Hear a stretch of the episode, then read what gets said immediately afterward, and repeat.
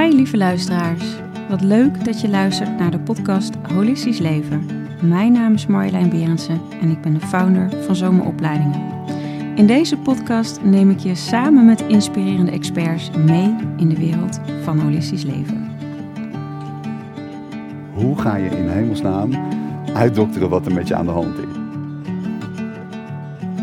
Hoi, welkom weer bij een nieuwe podcast van Holistisch Leven. En je ziet mijn gezicht ook even helemaal hier uh, stralen, want eindelijk is het dan zover. Heb ik Juno Burger in de podcast. Wel van harte welkom. Fijn dat je er bent. Wie hem nog niet kent, eh, natuurlijk au- auteur van het boek The Invitation. eh massen in het reinigen van woningen, mensen, bedrijfspannen. Nou, dat heb je ook bij mij gedaan, met mijn bedrijf ook gekleerd. En je geeft ook retraites in het prachtige Italië.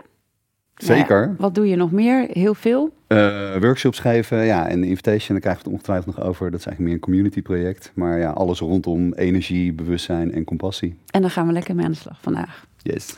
Maar voordat we daarop ingaan, vraag ik altijd: wat betekent holistisch leven voor jou? Ja, de million dollar question is dat. Ehm, nou, weet je, ik, ik heb laatst, eh, was ik een blog aan het schrijven en dat ging over heling. En toen was ik eigenlijk op zoek naar de oorsprong van dat woord. En toen kwam ik erachter dat de oorsprong van het woord heling, dat is een oud Engels woord en dat is helan. En dat betekent het herstellen van de eenheid. En dat is eigenlijk voor mij wat holistisch leven betekent. Dus eigenlijk alles wat gaat over ja, het leven ervaren vanuit het perspectief van eenheid. En dat is natuurlijk altijd alles gewoon. Ja. Dus ja, ik weet niet beter. Eigenlijk is alles natuurlijk al in eenheid. Ehm, maar ja, soms voelen we dat niet zo. Dus, Nee. eh, mooi. ja, En hoe was jij als kind? Want, want ervoer jij toen de eenheid? nou, ik kan, daar heb ik geen bewuste herinnering aan. Maar ik denk wel, en dat weet ik ook wel van eh, ervaring en studie, is dat je de eerste paar jaar van je leven wel echt in een, in een soort relatieve staat van eenheid verkeert. Hè. Dus dan Mhm. heb je nog niet zo'n zo'n sterk gevoel van een individueel centrum van waaruit je het leven beleeft. En dan zo rond een jaar of drie, dan verandert dat. Weet je, dan is ook echt een, een shift, een verandering in de hersenen, maar ook energetisch gezien. Dat je eigenlijk nou ja, de, de reis in de afgescheidenheid begint, zou je kunnen zeggen. En dat is natuurlijk een soort, eigenlijk is dat een trauma. Ja. Je- ja, je Ja. valt uit de eenheid. Eh, maar ja, dat moet ook gebeuren, denk ik, om deze menselijke aardse ervaring te hebben. Dus ehm, ik heb wel altijd heel sterk dat lijntje gevoeld. Dat is Mhm. eigenlijk nooit echt weg geweest. En, ehm, maar goed, ik ben ook wel een deel van mijn leven daarvan afgedwaald geweest. En het kwam denk ik omdat ik gewoon super gevoelig was voor dit soort dingen en nooit geleerd heb om daar goed mee om te gaan. Want wat heb je gedaan aan, aan studies? Even, even gewoon in het aardse leven. Hoe... Na, Was ik bedoel, na middelbare school en zo, Ja. dat soort dingen. Ehm, daarnaast heb ik, of daarna heb ik eh, communicatiewetenschappen en marketing gestudeerd. Mm. Ehm, dus ja, ik was gewoon heel lekker bezig na mijn middelbare school met mijn corporate baan en mijn lease auto. Ja. Weet je wel? Ja. Eh, maar goed, toen ik achter in de twintig was, toen ging dat gewoon niet meer. Nee. Dus eh, dat was echt voor mij een moment van een wake-up call dat ik erachter kwam, gewoon vooral door mijn omgeving, eh, hoe afgesloten ik eigenlijk was van mijn gevoelsleven. Als overlevingsstrategie heb Mm. ik dat gewoon moeten aannemen eh, om te dealen met die gevoeligheid. En hoe ben je weer daar weer teruggekomen? Ehm, nou, feit, eigenlijk mijn wake-up call was dat mijn, mijn omgeving, letterlijk mijn vriendinnen en mijn vrienden destijds, over mij begonnen te klagen. Terecht ook. En die zeiden van, gast, is er iemand thuis daar? Je lijkt wel een koelkast. En dat was ook echt zo. Ik was gewoon zo eh, out of touch eigenlijk met mijn gevoelsleven. Hmm. Hmm. Dat ik ook geen verbinding kon maken met mensen, maar ook niet met mezelf. Dus eh, toen, ja, toen de klachten binnenkwamen, zeg maar, dat was voor mij echt dat ik dacht van, oké, maar zo wil ik natuurlijk helemaal niet zijn. Zo wil ik helemaal niet leven. Nee. En toen ben ik, eh, nou ja, dat is natuurlijk ook helemaal in jouw straatje. Toen ben ik letterlijk met een vriend eh, bij Tante Roos, een oude Indische dame in Den Haag, een reiki-cursus gaan doen. Ja. nou, tante Mar was het toen nog niet, Ja. Marjolein. Nee, precies. Maar ik kan me echt nog herinneren dat, ehm, dat toen ik eh, in die cursus mijn handen op iemand legde, was gewoon net alsof ik mijn vingers in stopcontact stopte. Gewoon Ja. die, die hele energiestroom en die gevoeligheid was gewoon aan. Was eigenlijk nooit weg geweest. Hmm. Eh, ja, alleen heel lang niet, niet meer gebruikt. Niet mee in contact, eh, niet bewust mee in contact. Nee, niet gebruikt. bewust. Nee, Ja. zeker niet bewust. Nee. Dus dat was voor mij echt het startschot van, oké, check, weet je, dit is, ja, dit is het wat ik hier te doen heb. En toen heb ik gewoon heel veel vormen van energiewerk eh, bestudeerd, les ingegeven, praktijk in gehad. Weet je, sommige die bleven heel kort, dat was niks voor mij. Andere, nou ja, die zijn helemaal meegegaan eigenlijk in, eh, in de tijd. Eh, heel lange praktijk gehad, alleen met mensen. Dus was ik helemaal nog niet met ruimtes bezig. Hmm. En toen kwam ik er eigenlijk na een tijdje achter dat ja, als mensen buiten de deur op zoek gaan naar, he- ja, naar heling, maar bijvoorbeeld wonen of werken in een verstoorde omgeving, ja, dan is het ook water naar de zee dragen, weet je wel. En dat was eigenlijk weer de volgende stap om, nou ja, je vroeg net naar holistisch, uh, om, Ja. om holistischer te gaan kijken. En, en de mens eigenlijk ook gewoon te zien in een energetische context van een huis of een, een, een plek waar je werkt. Of gewoon überhaupt een constellatie waar je mee verbonden bent, weet je wel. Het zijn niet alleen maar plekken, het zijn natuurlijk ook, het zijn ook je familiesysteem. Systemen, ja, ja. systemisch gezien. Ehm, ja, en dat, weet je, dat that made sense in de zin van, oh ja, weet je wel, dat, dat is zo'n ver- verbreding van je, van je blikveld. Ja. Maar goed, eigenlijk ben ik gewoon begonnen omdat ik iets voor mezelf zocht. Om eigenlijk mijn eigen gevoeligheid te reguleren. Ja. Helemaal nog niet bezig met van, oh, daar ga ik eh, mijn werk van maken. Of dat ga ik 25 jaar lang doen. Helemaal niet. Maar toen ik dat voor mezelf vond, eh, toen kwam ik erachter dat die verandering in mezelf zo eh, wezenlijk was. Ehm, en inmiddels ja, ben ik daar ook van overtuigd dat je als mens natuurlijk een scheppend wezen bent. Dus alles wat er in mij veranderde, dat zag ik ook om me heen veranderen. Toen was ik van, oh nice. Het Weet je? werkt. Ja. Nou, het werkt gewoon één op één. En toen, toen dacht ik van ja, weet je, dit is gewoon, ehm, dit is echt een gevalletje van follow your bliss. Dus dat je gewoon voelt en weet wat je komt doen.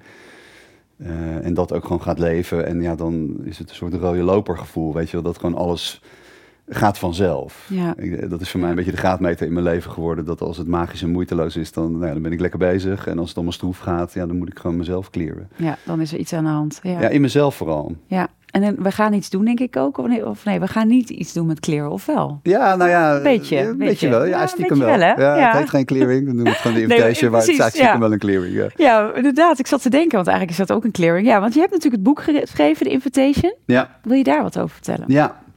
Nou, het grappige was eigenlijk dat ik, ehm, ik... Ik schrijf al heel lang iedere maand een blog. En op een gegeven moment kwam er een uitgever naar me toe. Een vrouw die daar werkte. En die was een paar keer naar een lezing geweest. En die las mijn blogs. En die had zoiets van, joh, moeten we hier niet een boek van maken? Toen dacht ik, nou, leuk idee. Eh, dus ik had een hele stapel met, eh, met blogs liggen. Maar goed, dan heb je nog geen boek natuurlijk.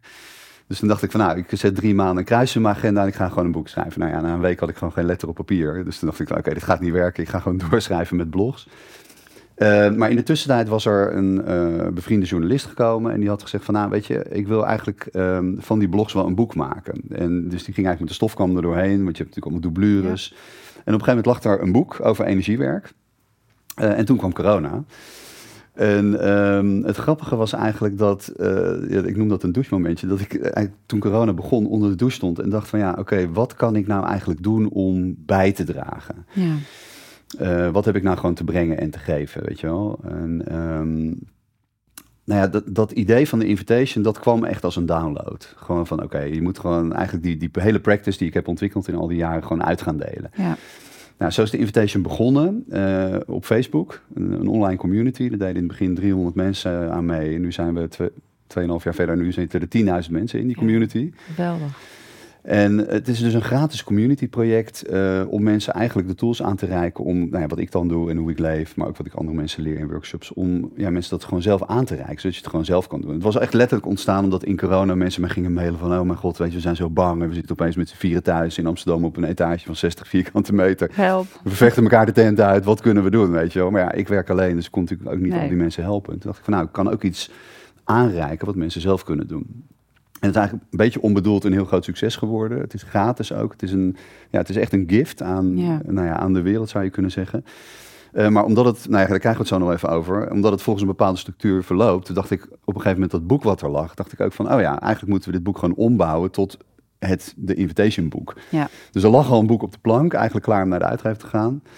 Eh, en toen hebben we dat hele boek hebben we eigenlijk omgegooid tot de structuur van de invitation. ja, mooi. Ja, het is eigenlijk in tweeën opgedeeld. Dus de, het eerste deel gaat heel kort over de practice, die is Ja. ontzettend simpel. En het tweede deel is feitelijk ja, gewoon de hele wetenschappelijke energetische onderbouwing waarom het werkt. Ja. En dat is ook handig om te snappen. Precies, want die, nou, dat, dat pakt je ratio dan ook weer mee. En dan krijg je eigenlijk dat het op één lijn geïntegreerd is. Ja, nou kijk, de meeste mensen beginnen aan zoiets vanuit de mind. Ja. En ik ben er gewoon achter gekomen in de praktijk dat, eh, dat als je vanuit de mind ergens aan begint, dat het heel handig is om te snappen hoe de mind werkt. Ja. Dus eigenlijk gaat het boek eh, voor een deel daarover van ja, wat zijn dan de valkuilen en wat is de dynamiek van de mind en hoe kan je dat herkennen? Dat als je dat dus ja, onbewust tegenkomt, dat je denkt, oh ja, weet je wel, dit ben ik aan het doen. Ik doe neem- het weer. ik neem Ja. het persoonlijk, of ik ga helemaal in het verhaal, of ik ga het proberen te fixen, weet je wel, die dingen. En dat helpt dus. De mensen denken, "God, dat doe ik dus allemaal. Eh, en vervolgens maak je dan de stap naar nou ja, je compassievolle hart, zo noem ik dat dan. En dat is feitelijk gewoon het andere perspectief wat je tot je beschikking hebt. Om Ja. vanuit een hele andere plek ja, de wereld te ervaren. En Ja. dan is het gewoon zo'n andere beleving. Ja. Dat Nou gaan ja. we natuurlijk ook doen. Hè? Dat gaan we zo even Dus doen. is- ja, Kijk, blijf lekker kijken, mensen. Maar het is nog niet zover. Hey, en huizen clearen, want daar ben je natuurlijk ook. En mensen clearen, vertel. Want dat, ja, je zei al van, nou, zo binnen, zo buiten. Hè, dat, dat hele systeem, dat hangt met elkaar samen. Met, met natuurlijk ook het systemisch eh, werk. Hoe gaat dat in zijn werk? Ehm, nou, het, het principe van clearing is echt heel erg simpel. Er zijn twee dingen die bij elkaar komen: bewustzijn en compassie. Dus dat is je vermogen om iets op te merken. Nou, dat hebben we gelukkig allemaal. In min of mindere mate ontwikkeld of aan of afgesloten. Eh, en dat geldt voor compassie eigenlijk ook. Dus en dat, zoals ik die term gebruik, dat is dan je vermogen om gewoon wat je ervaart te herkennen als source. En gewoon helemaal te laten zijn zoals het is, zonder dat het hoeft te veranderen. Dat is hoe ik Mhm. compassie gebruik. En ehm, als je dat dus bij elkaar brengt, dan verschuift je, je perspectief of je energie of je centrum eigenlijk vanuit je mind naar je hart. En ehm, dat hart, dat kan je eigenlijk zien als een, soort afvoerputje. Dat is misschien het meest praktische. Dus als er spanning in je omgeving is, of dat nou van een persoon is of eh, van een plek, dan zal die spanning van nature eh, altijd op zoek zijn naar een plek om te ontladen. Mhm. En dat is je compassievolle hart. Hmm. Dus op het moment dat je dat, eh, nou ja, dat dat groot is, zeg maar, of dat je veel ruimte hebt, of je hebt dat getraind en je komt een persoon tegen. Zoals wij hier zitten, wij wisselen nu gewoon energie uit en Ja, informatie. Heel duidelijk, toch? Ja, ja.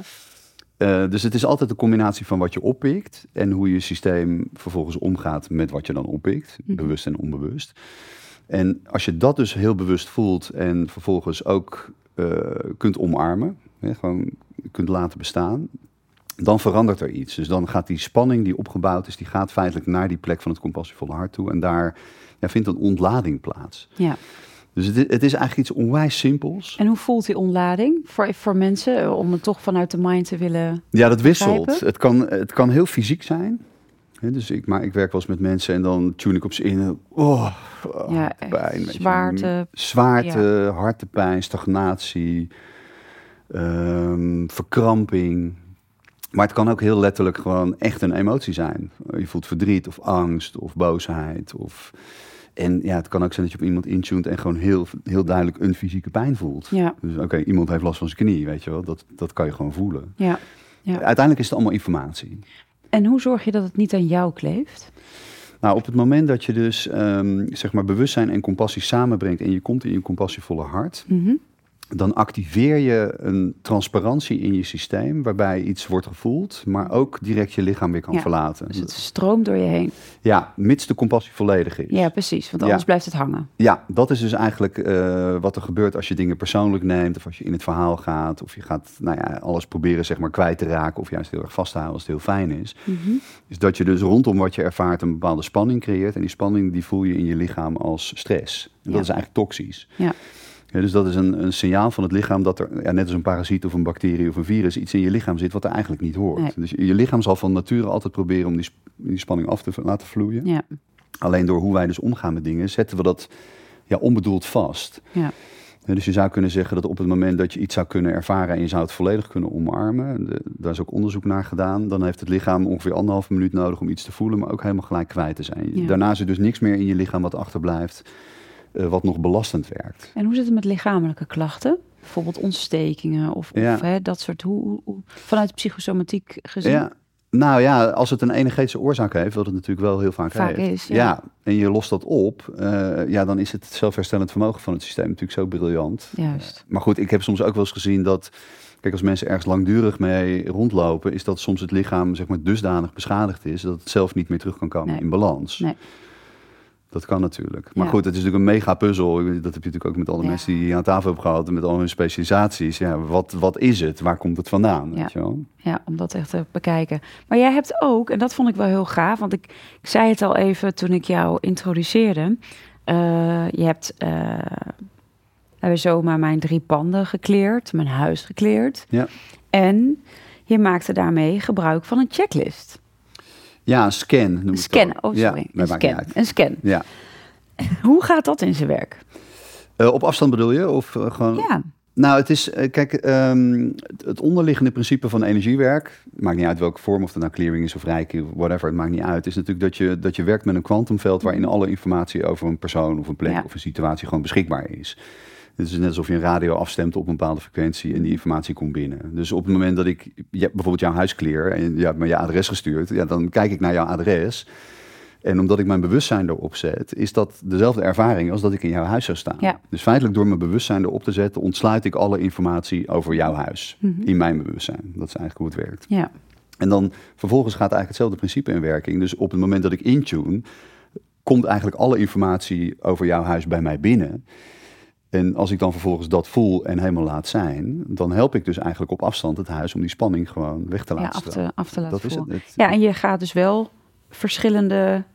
Ja, ik noem dat dus die, die, die checklist al. Nou, ik doe dat. Kijk, ik doe dat niet voor mezelf. Nee, maar voor de ander is het Ja. natuurlijk wel fijn om te weten. Anders krijg je van mij een mail van Ja. ik heb je huis gekleerd, het is oké. Dat- het is goed. Ja. Dan zeggen van gasten, wat heb je dan gedaan? Weet je, wat Ja. ben je dan allemaal tegengekomen? ja, want het zijn 18 punten, hè? Ja. als ik het goed heb onthouden. Ja, klopt. Het Ja, heet een 18 punt scan en het is eigenlijk een inventarisatie van wat er dan allemaal in je huis aan de hand is. Het is heel globaal opgedeeld in, in drie stukken. Dus Mhm. Ja. eigenlijk de, de menselijke emotionele impact. Dus Ja. wat is het effect van dat mensen ergens wonen of werken Precies. op een ruimte. Eh, het tweede deel is eh, wat de meeste mensen aardstraling noemen. Dus dat Mhm. gaat over wat er in het land gebeurt. En het derde deel is elektrostress. Ja. Het is natuurlijk alle eh, elektrische apparaten, al dat soort dingen. En die hebben allemaal een effect op een ruimte.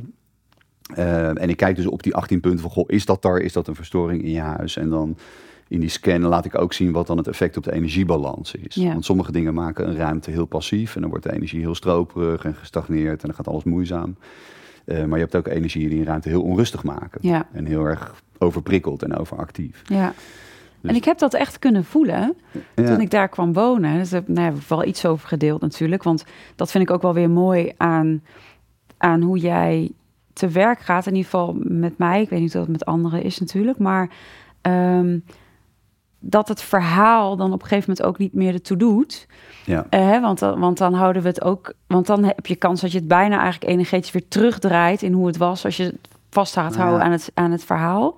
Ja, toevallig was ik gisteren nog bij iemand eh, in een huis om te clearen. En daar, nou, daar trof ik een overleden persoon aan. En dat vertelde ik tegen die vrouw. En die had echt zoiets van, oké, eigenlijk had ik dit niet willen horen. Ja, Want ja. nu ga ik die kamer in. En dan heb ik de hele tijd het gevoel van, shit, hier was net iemand die overleden was. Weet je? Dus dat is...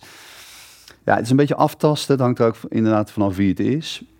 Nou, en ook of het dienend is. Nou ja, vooral dat. Heeft het zin om het te vertellen? Ja. Weet je? Soms is dat onwijs relevant. En soms denk ik ook van ja, er zijn zulke. Kijk, er gebeuren vreselijke. Ik zou echt een boek kunnen schrijven over dingen die achter voordeuren gebeuren. Het is, e- het is Absoluut. echt heftig. Ja, Ehm, maar ja, het- weet je, het, het is voor mij niet nodig om dat allemaal te weten om het te kunnen clearen. Nee. Maar in het contact met een cliënt natuurlijk, die wil natuurlijk wel een beetje weten van ja, wat is er aan de hand. Dus ik probeer dat, ik probeer dat echt op een soort ja, globaal niveau Ja, te benoemen. precies, redelijk, Maar ja. niet helemaal in te zoomen van, Van, nou, nou, in die ja, kamer in dat eh, jij er 18, nog 8 kan.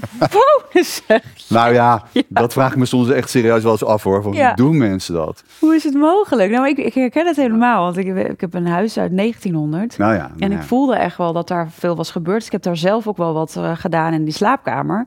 Maar sinds jij dat hebt behandeld, eh, ik, nou, ik slaap me toch goed? Nice. Dus ook dat, weet je. Dus dat was voor mij ook... eh, Dat is wel een van de dingen waar mensen als eerste merken dat er in huis iets niet lekker gaat met slapen. Eh, ja, En dat komt ook omdat je natuurlijk... eh, kijk, als je slaapt in een omgeving die helemaal harmonieus is, weet je, dan ga je liggen. en dan ben je Eh, weg. zo, oh, Ja, lekker, dat. weet je. Ja. Dan ontspant je zenuwstelsel en dan kan je uitrusten. En dan, ja, dan kan je opladen en bijtanken, dat soort dingen.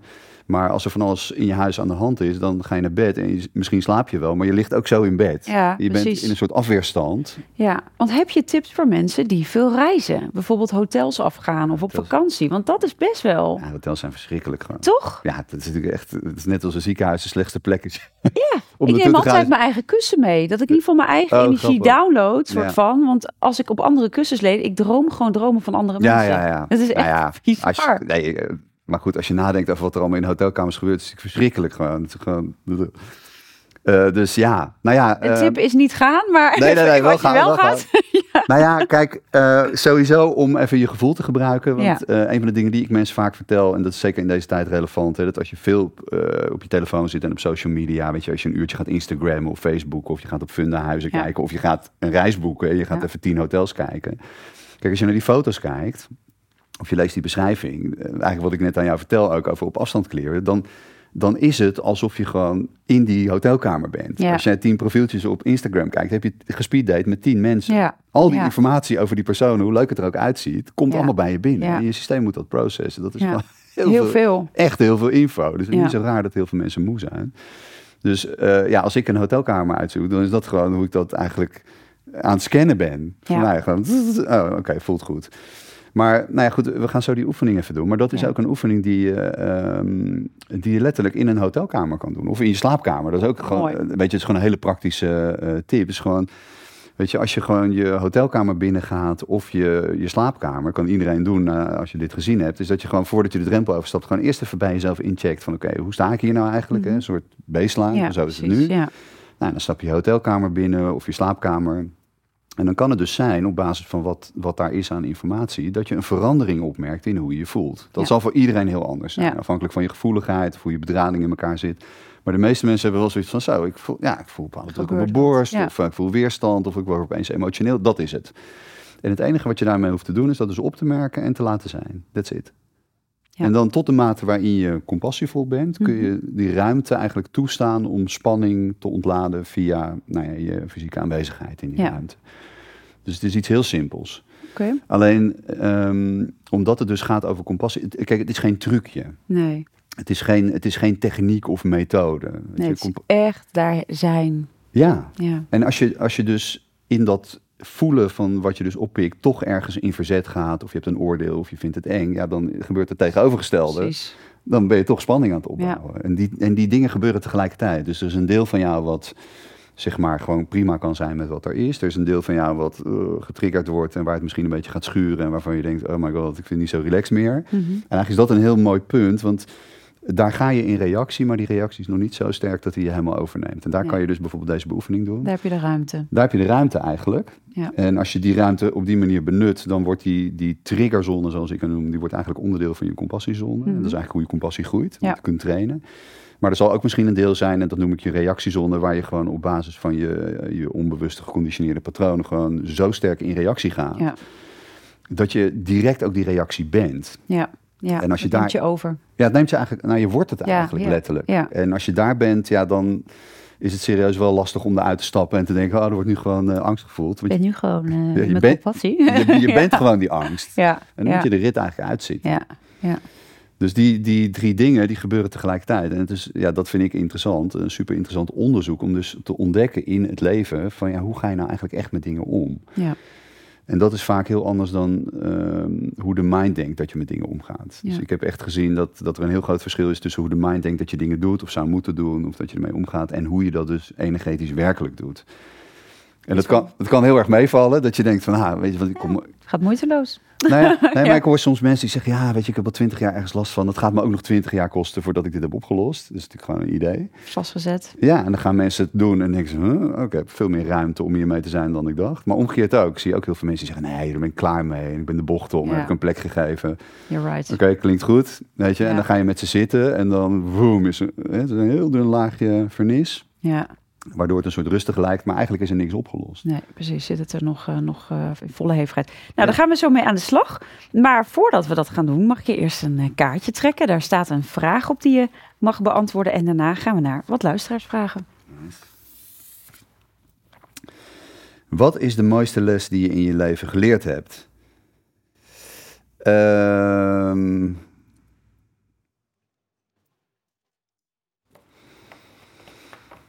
Poeh, zoveel.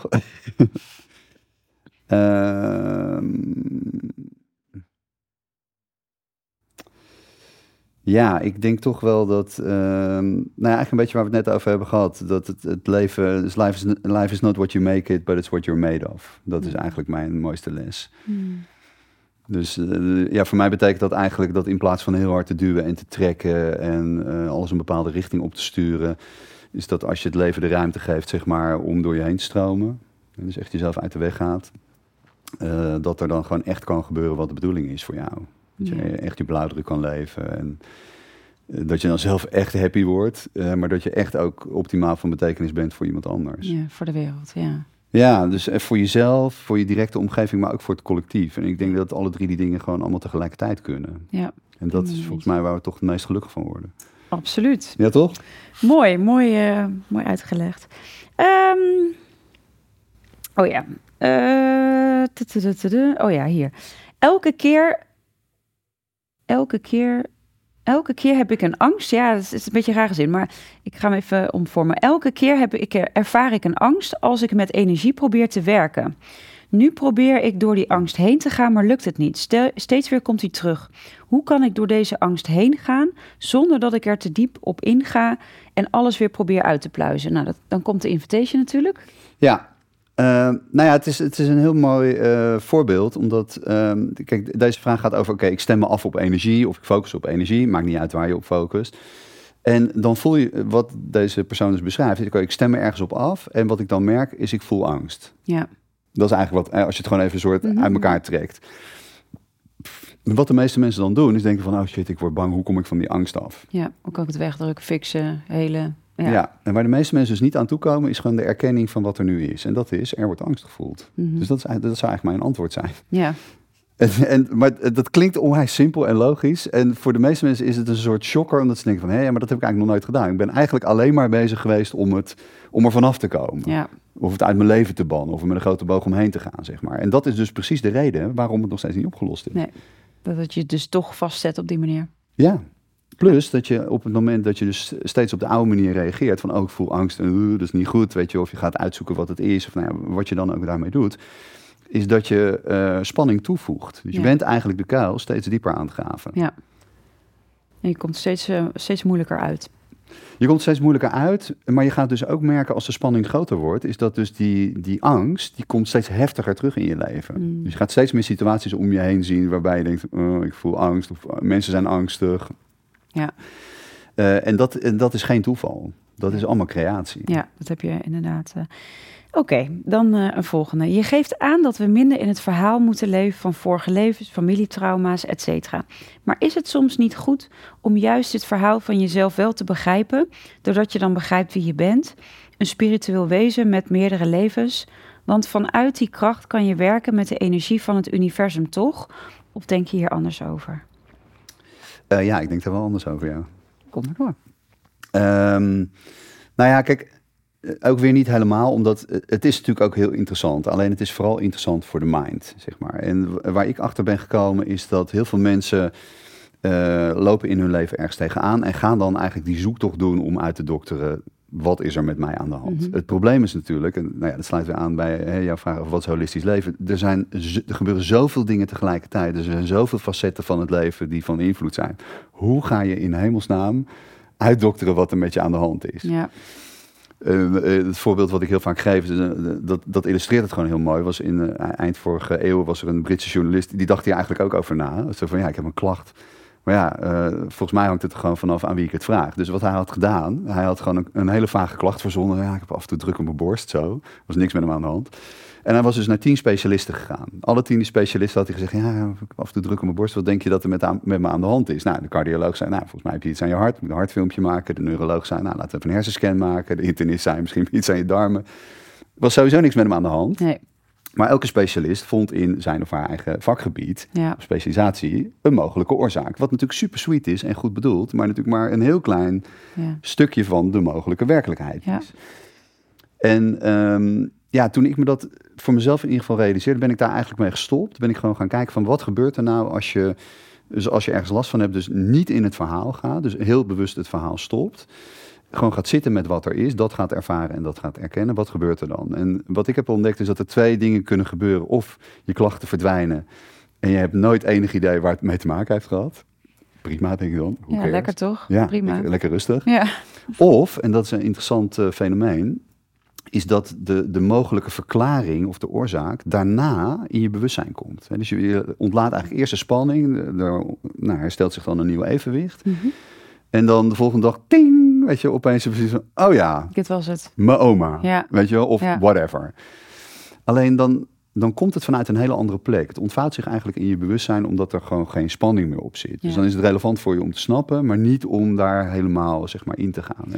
Nou, het is ook mooi, want er wordt ook op die manier geen drama van gemaakt. nou ja, dat is natuurlijk wat je heel veel ziet. Plus dat die zoektocht natuurlijk een mega afleiding kan zijn. En Ja. ook een hele sneaky strategie is van de mind om het Ja. verhaal in gang te houden. Ik bypassen. on- nou ja, te bypassen, maar ik ontmoet ook serieus best veel mensen die gewoon al een leven lang aan het zoeken zijn. Ja, eh, workshops, retretes aan het hoppen en Ja. weet je wel.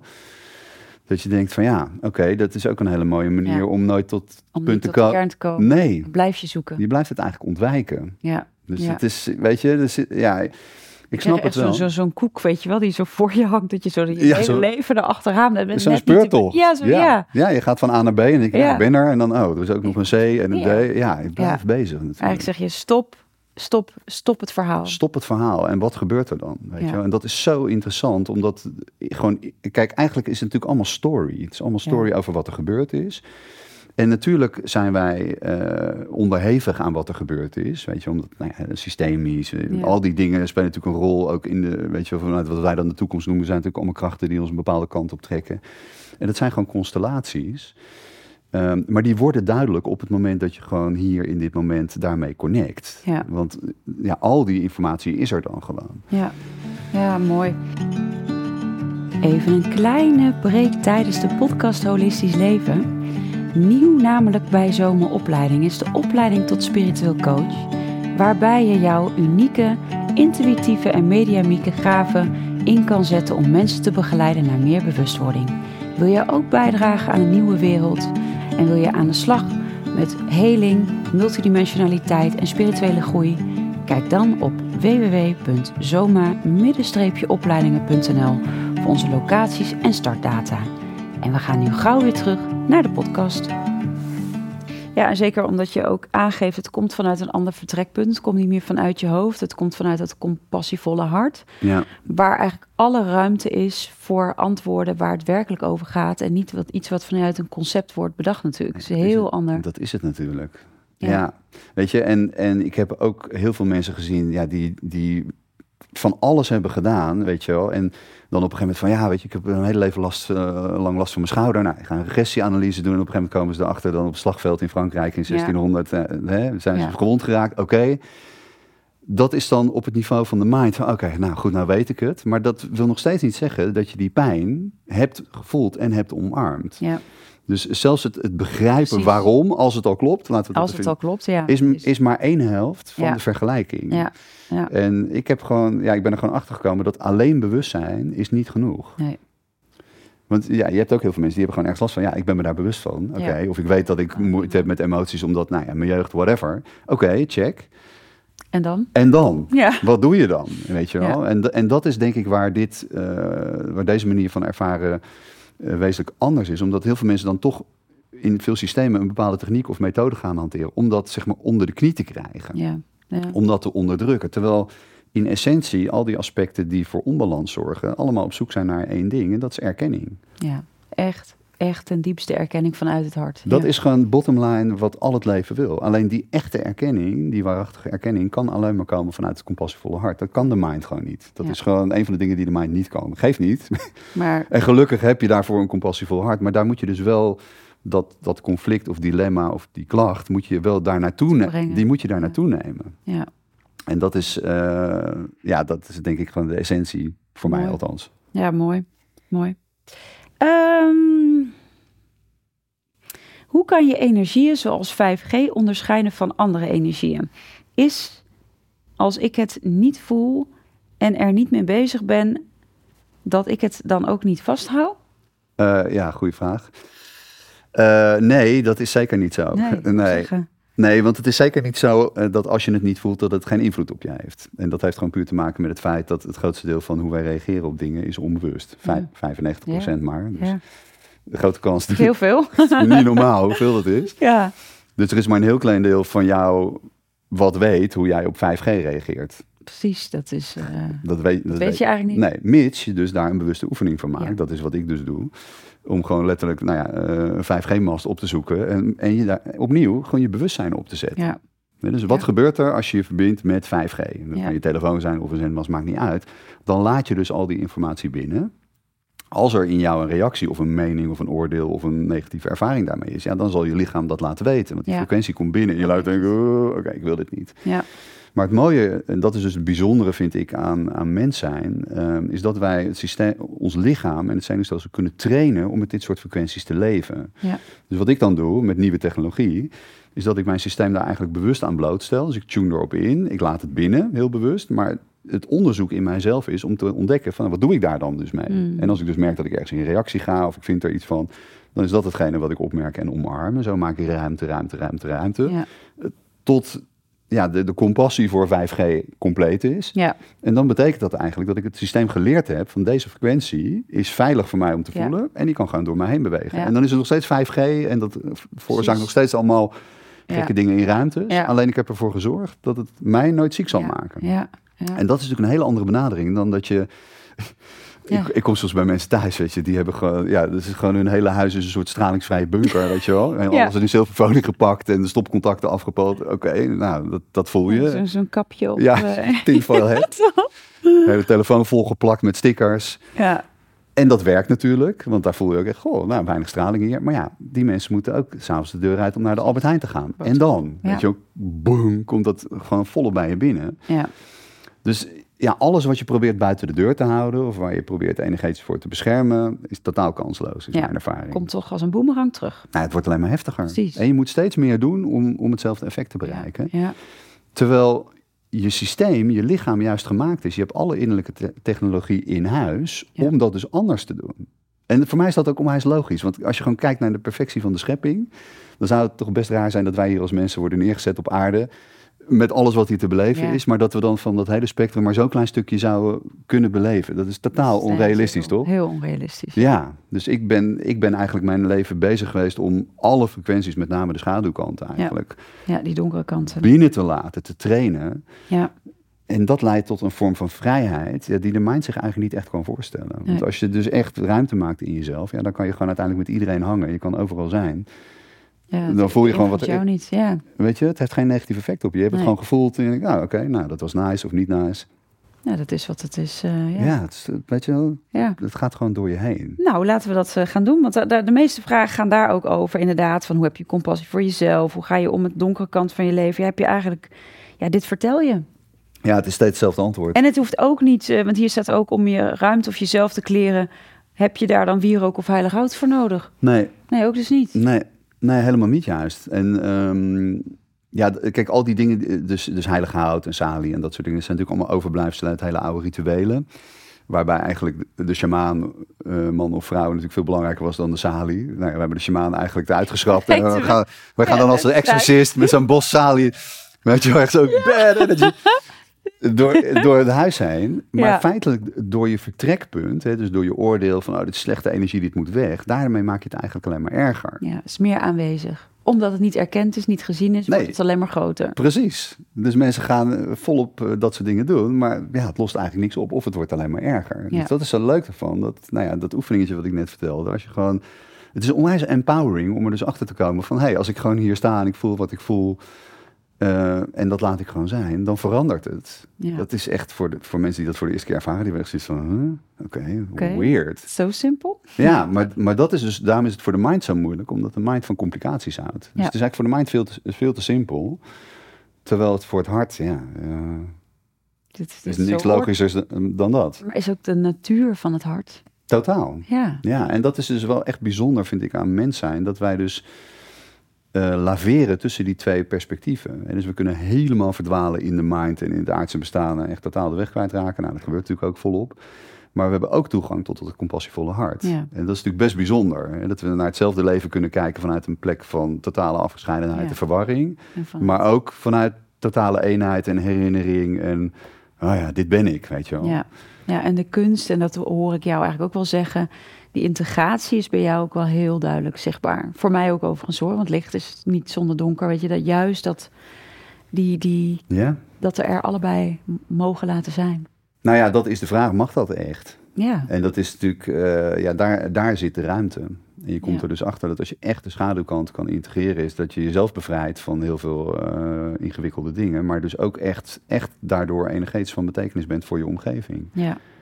Ja, nou laten we dat gaan doen, Ja? toch? Ja? Mensen thuis, zet je auto aan de kant ja, precies. en ga lekker met ons mee, eh Ja, mee tunen. oké. Oké, Ja? Ja? Ben je er klaar voor? ja, ik ben er klaar voor. Oké, nou, het is een hele simpele oefening. Ja. Ehm, ja, je kan gewoon even lekker ontspannen gaan zitten. Je mag je ook liggen doen als je dat fijn vindt. Mhm. En dan eigenlijk de eerste check die je voor jezelf doet, is dat je in jezelf jezelf de vraag stelt: wat leeft er nu in mij? En dat is gewoon ehm, ja, wat sommige mensen misschien kennen als een bodyscan.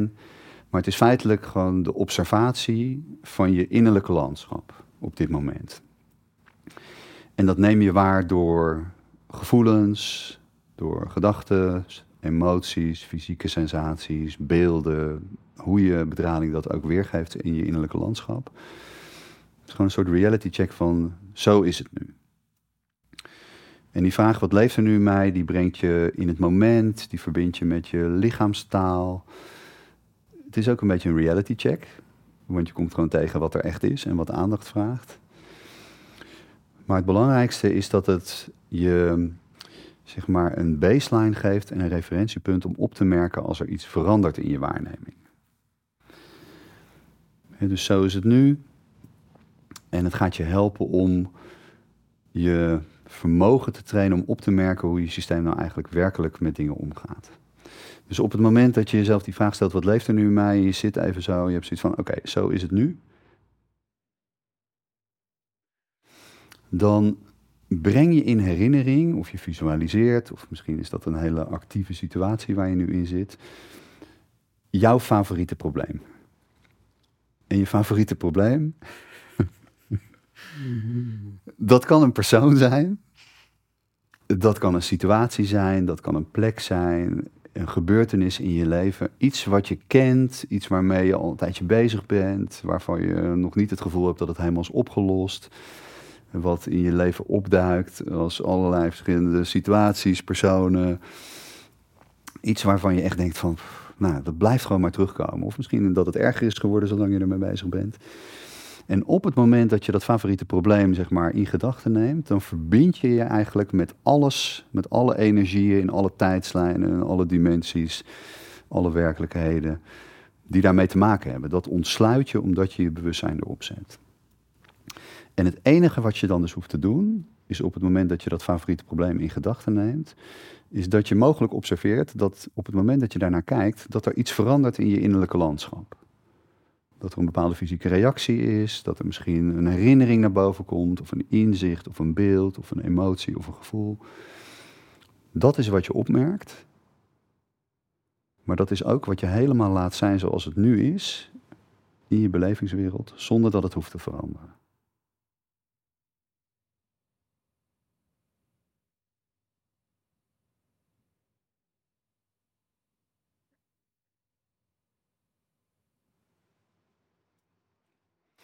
En op het moment dat je die twee dingen samenbrengt, dus als je het en bewust observeert en je staat jezelf toe om wat je ervaart gewoon helemaal te laten zijn zoals het is, dan als die twee dingen bij elkaar komen, die smeden met elkaar een sleutel en die sleutel die past op de deur van je compassievolle hart. Dus elke keer als je iets bewust ervaart en je laat het zijn, verschuif je je perspectief vanuit de mind naar je hart. En kijk je naar die ervaring zoals het scheppende in jou dat doet, de bron. En als je vanuit die plek naar die ervaring kijkt, dan herken je eigenlijk alles als je eigen creatie, als dezelfde bronenergie. En daarmee is het onpersoonlijk, daarmee hoef je niet langer in het verhaal te gaan. Hoef je het ook niet op te lossen, want het compassievolle hart weet dat op het moment dat je het erkent, lost het zichzelf op. Laat het jou los.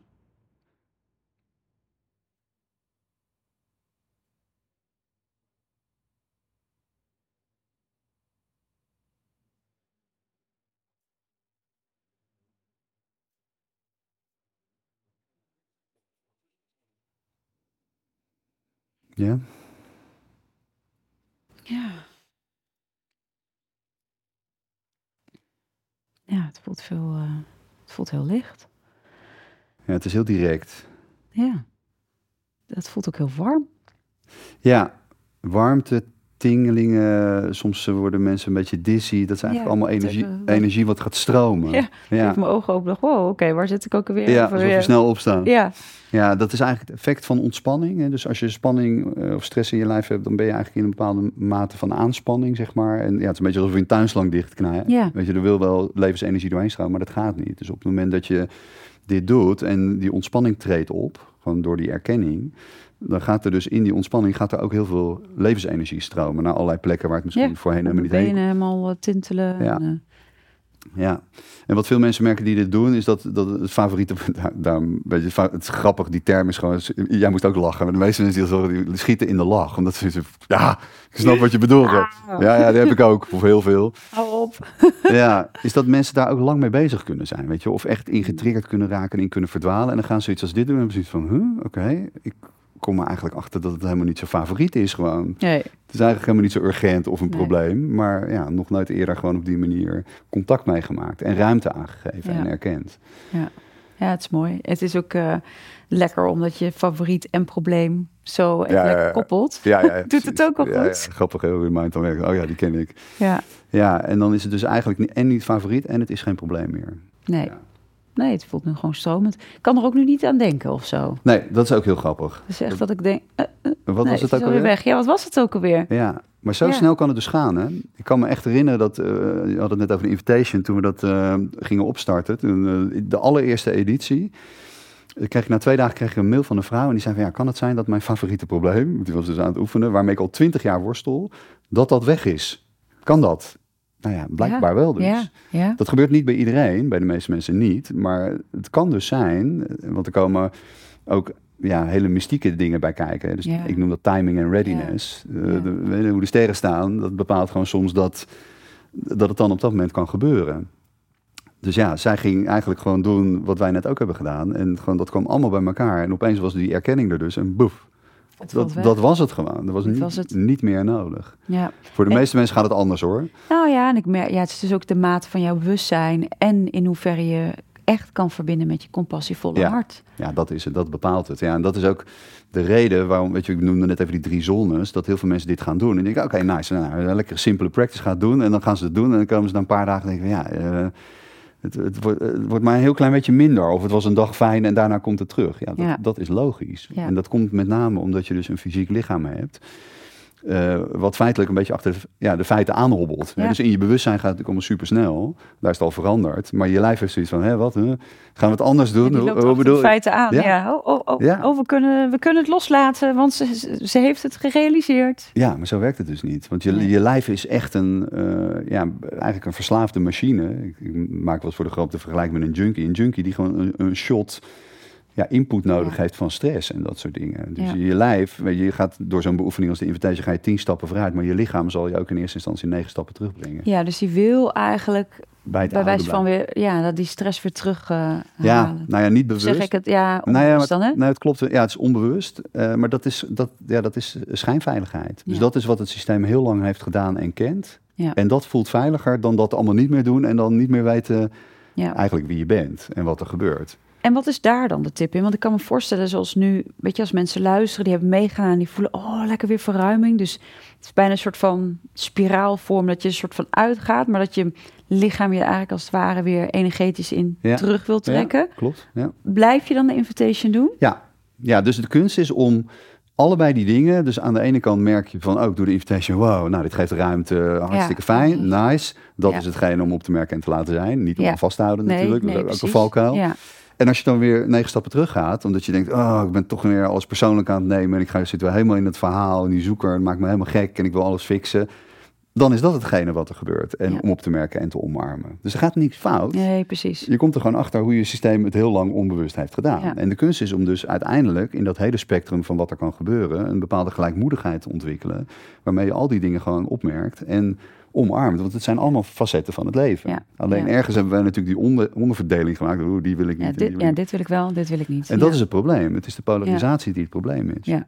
Ja. En dat is dus een dilemma wat de mind niet kan oplossen. Omdat de mind in polariteit en dualiteit werkt. Dus die kan zichzelf eigenlijk niet overstijgen en dat als een eenheid zien. Nee. Maar dat kan het hart dus wel. Precies, dus daar ga je weer, weer naar terug. Ja, dat is dus eigenlijk wat je doet. Het, het gaat in essentie over een conflict in jezelf. Of je nou een conflict hebt met jezelf of een conflict met iemand anders. Kijk, een conflict is gewoon de spanning tussen twee uitersten. Mhm. Alleen voor de mind, die heeft zoiets van ja, het is of de een of de ander. Ja. Welke je ook kiest, gaat, het ja. gaat- ja, het gaat altijd ten koste van de ander. Dus Ja. je wijst ook iets af. En dat wat je afwijst, dat komt terug. ja, dat ga je internaliseren eigenlijk, ook als klacht bijvoorbeeld. Ja, volop. Ja, zeker. Daar kan je echt last van krijgen. Ja. En dat is natuurlijk wat, wat heel veel mensen doen. En eigenlijk de, de suggestie die hier wordt gedaan, is dat je dus allebei die uitersten van dat conflict eh, kunt zien. Van, oh ja, die en die. Maar die kan je dus allebei naar je compassievolle hart brengen. En het compassievolle hart werkt feitelijk als een katalysator. Dus Mm. die kan gewoon die tegenstellingen verenigen. Ja, Die kan de spanning daarvan ontladen. En dan gebeurt er nog iets eh, heel bijzonders. En dat is wat Jung beschrijft als de derde weg. En dat is feitelijk uit die alchemie die, die ontstaat door die ontlading van die spanning. Is dat er een andere energie in beweging komt. Eh, en dat is eigenlijk het leven wat je helpt. Mm. De flow, zou je kunnen Mm. zeggen. En Jung zegt daarvan dat dat een, een energie is die we direct zullen herkennen als kloppend. Eh, die we nooit met onze mind hadden kunnen bedenken. Dus echt zoiets van, hm, oké, is dat de bedoeling? Maar tegelijkertijd voel je ook van, oh ja, dit, dit is wat ik moet doen. Dit Ja. is wat bij mijn blauwdruk hoort. Dit geeft helderheid, richting, daadkracht, energie, weet je wel. Ja. Hier trek ik een grens. Dat zijn allemaal superbelangrijke dingen. Maar dat komt dus vanuit een, een hele andere plek.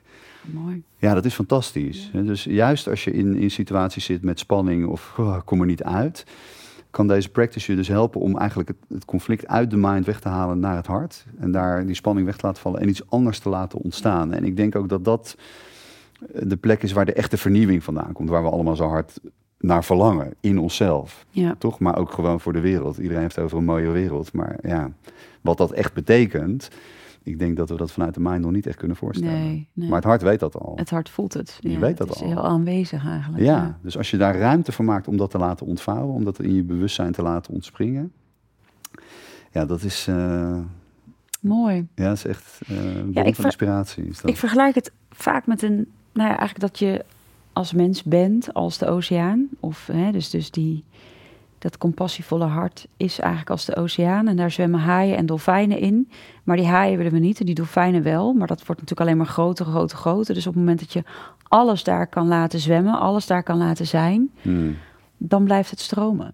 Ja, en En- dan regelen ze onderling ook een natuurlijk evenwicht. Ja. Wat wij dan als mensen gaan doen, gaan we alle haaien uitroeien. Precies, maar het leeft daar gewoon. En het is oké dat het daar leeft. Dat is het. Want het zorgt ook weer voor een goede eh, nou ja, balans in de zee, zeg maar, in de, in de oceaan. Absoluut. Ja, nee, het is een hele mooie metafoor, maar dat geldt voor ons mensen ook. Weet je, ik denk als wij, wij- weet je wel, als wij als mens, als ziel, of hoe je het ook noemt, al die moeite doen om hier naartoe te komen en jezelf in zo'n zo'n lichaam te wringen met allerlei beperkingen. Kloppen, ja. Weet je, en dan maar, ik denk toch dat je echt komt omdat je het hele spectrum wil ervaren. Ik wel. Tenminste, Absoluut. dat maakt het leven interessant, toch? Maar als je, ja, de meeste mensen ervaren maar zo'n klein stukje van wat er allemaal te beleven is. Dat noem je dan je comfortzone, maar eigenlijk Ja. is dat een gevangenis. Ja, En die wordt steeds kleiner voor de meeste mensen. Ja. Dus als je die muren van die comfortzone beslecht en dan is er nog een hele wereld om te ontdekken. Ja, en je komt erachter dat gewoon als je die, ook die donkere kant echt binnenlaat en omarmt, ja, die, die kunnen jou niks aandoen. Ik heb echt in die jaren dat ik dit doe echt met hele dark stuff te maken gehad. Maar ik heb het allemaal overleefd tot nu toe. ja. En, en kun je daar iets over vertellen? Nou, ik heb periodes in mijn leven gehad dat ik bijvoorbeeld heel veel met mensen heb gewerkt die te maken hebben gehad met voodoo. Zo, Ja, dus dat is, ehm, nou ja, dat is in onze cultuur. Kijk, wij hier in Nederland zijn wij zijn een beetje te nuchter daarvoor. Weet je. nou ja, maar ja. Maar in heel veel culturen, eh, Indonesië, Ja. West-Afrika, Suriname. Mijn roots zit ook in Indonesië. Oh ja, nou ja.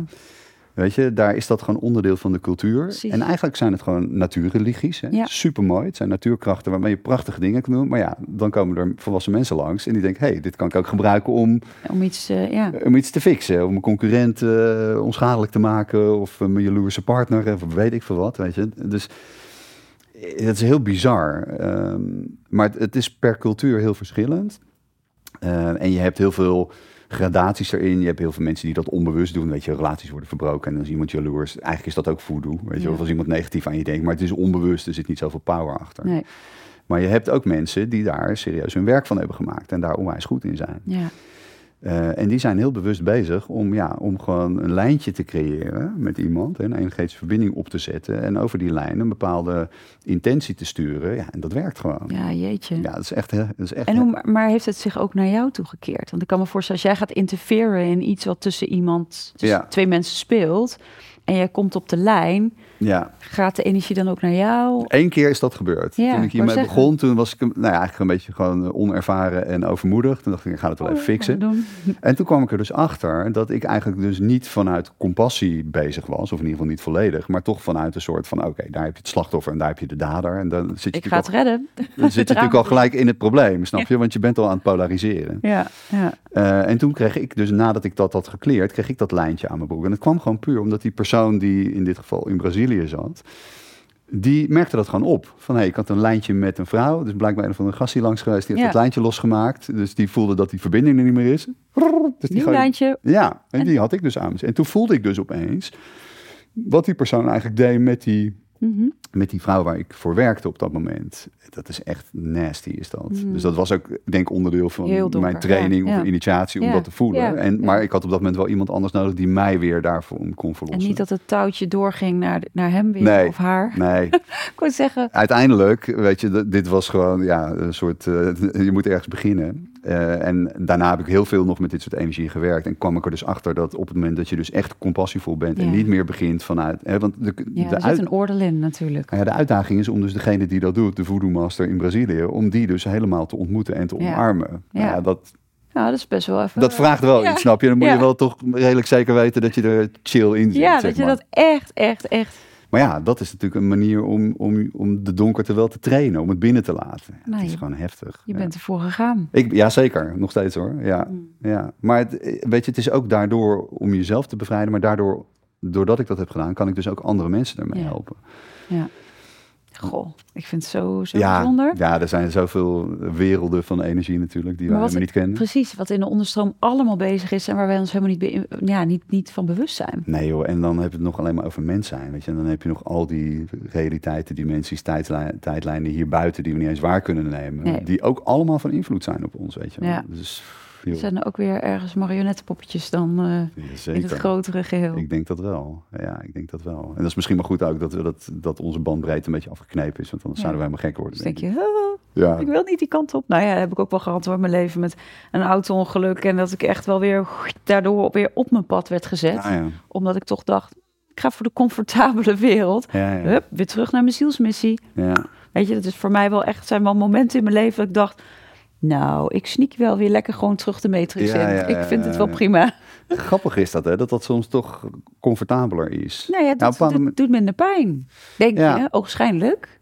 Ja, ja, en op een bepaalde manier is het ook, weet je, als je zo'n pad gaat, het, het, kan ook soms een beetje eenzaam voelen of zo. Je, heb je ik heel lang gevoeld. Ja, je doet het toch alleen en ook al heb je gewoon een super fijne relatie of contact met mensen. Het is, het is toch ook iets wat je in jezelf helemaal doet of zo. En nu niet meer, maar als ik kijk naar tien jaar geleden, had ik, uh, nou, misschien niet eens tien jaar, misschien wel vijftien of twintig jaar geleden, had ik wel echt zoiets van, ja, weet je, ik, uh, ik ga, gewoon, uh, ga gewoon ook weer normaal doen en gewoon het, het niet allemaal zo het doorzien wat er ja, afspeelt. Nou ja, het is ook ingewikkeld, weet je wel. Omdat, uh, ja, jij ziet het. En hoe ga je het voor jezelf praktisch maken? Maar ook hoe ga je het aan andere mensen uitleggen die het niet zien of nog niet zien? Ja.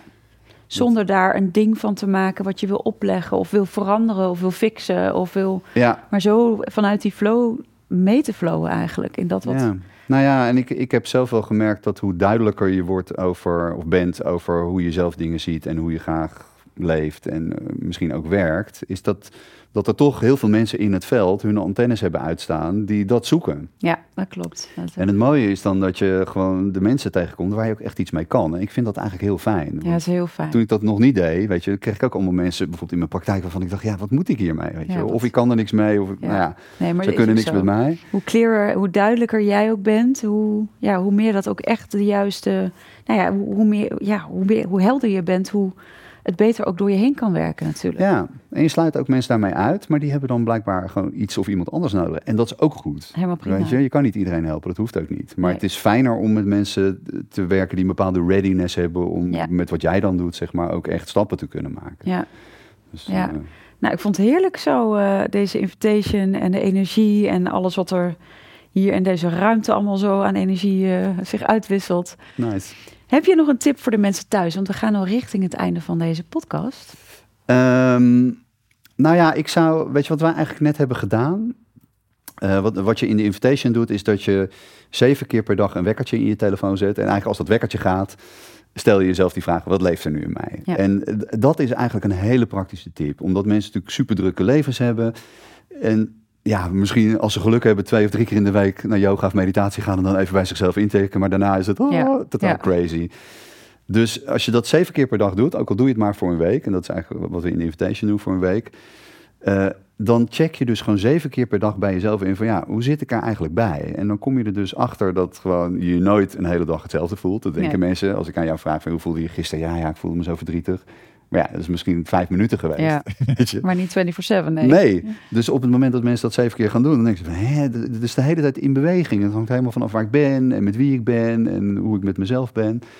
Dus dat is een hele praktische manier om ehm, je dag eigenlijk een beetje op te knippen. En zeker zou ik het mensen willen aanraden om het te doen als je wakker wordt. Eigenlijk dat als gewoon op de rand van je bed te gaan zitten. Wat heeft er nu mij? Ja, Gewoon even in je lijf te komen en te connecten met je lichaam als je opstaat. Maar zeker ook als je gaat slapen. Want Ja. op het moment als je gaat slapen en je doet dit, je checkt even in, je onderzoekt je, je binnenwereld en je erkent die.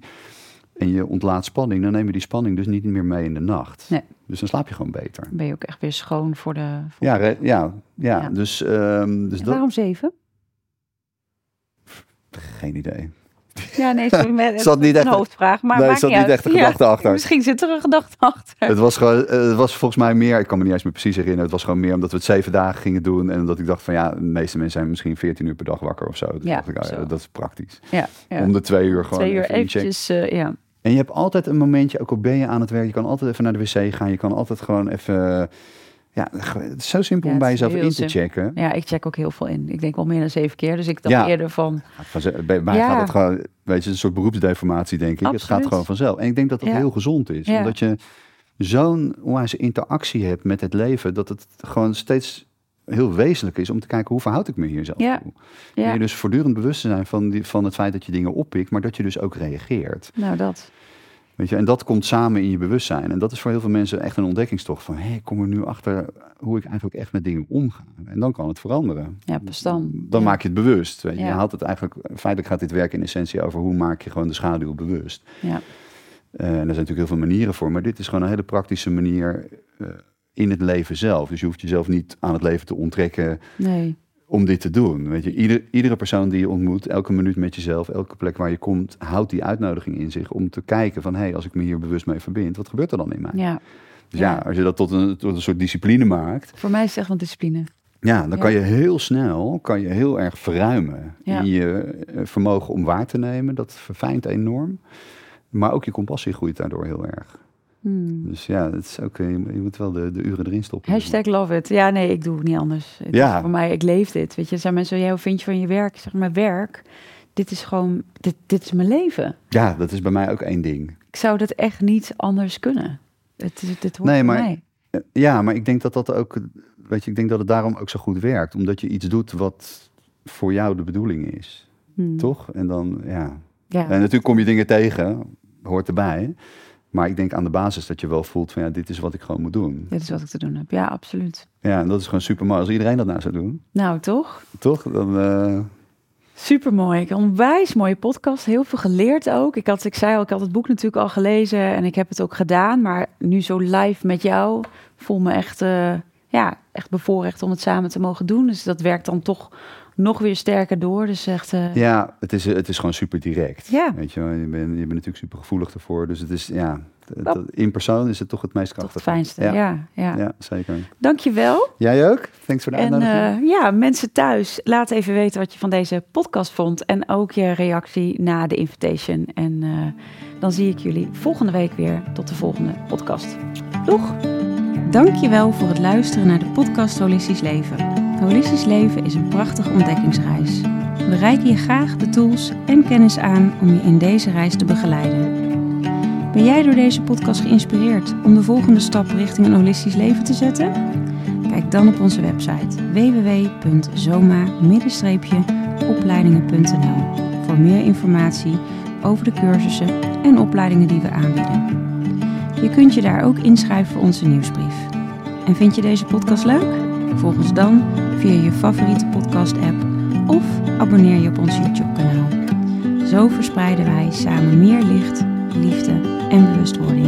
En maken we de wereld een stukje mooier. Tot volgende week!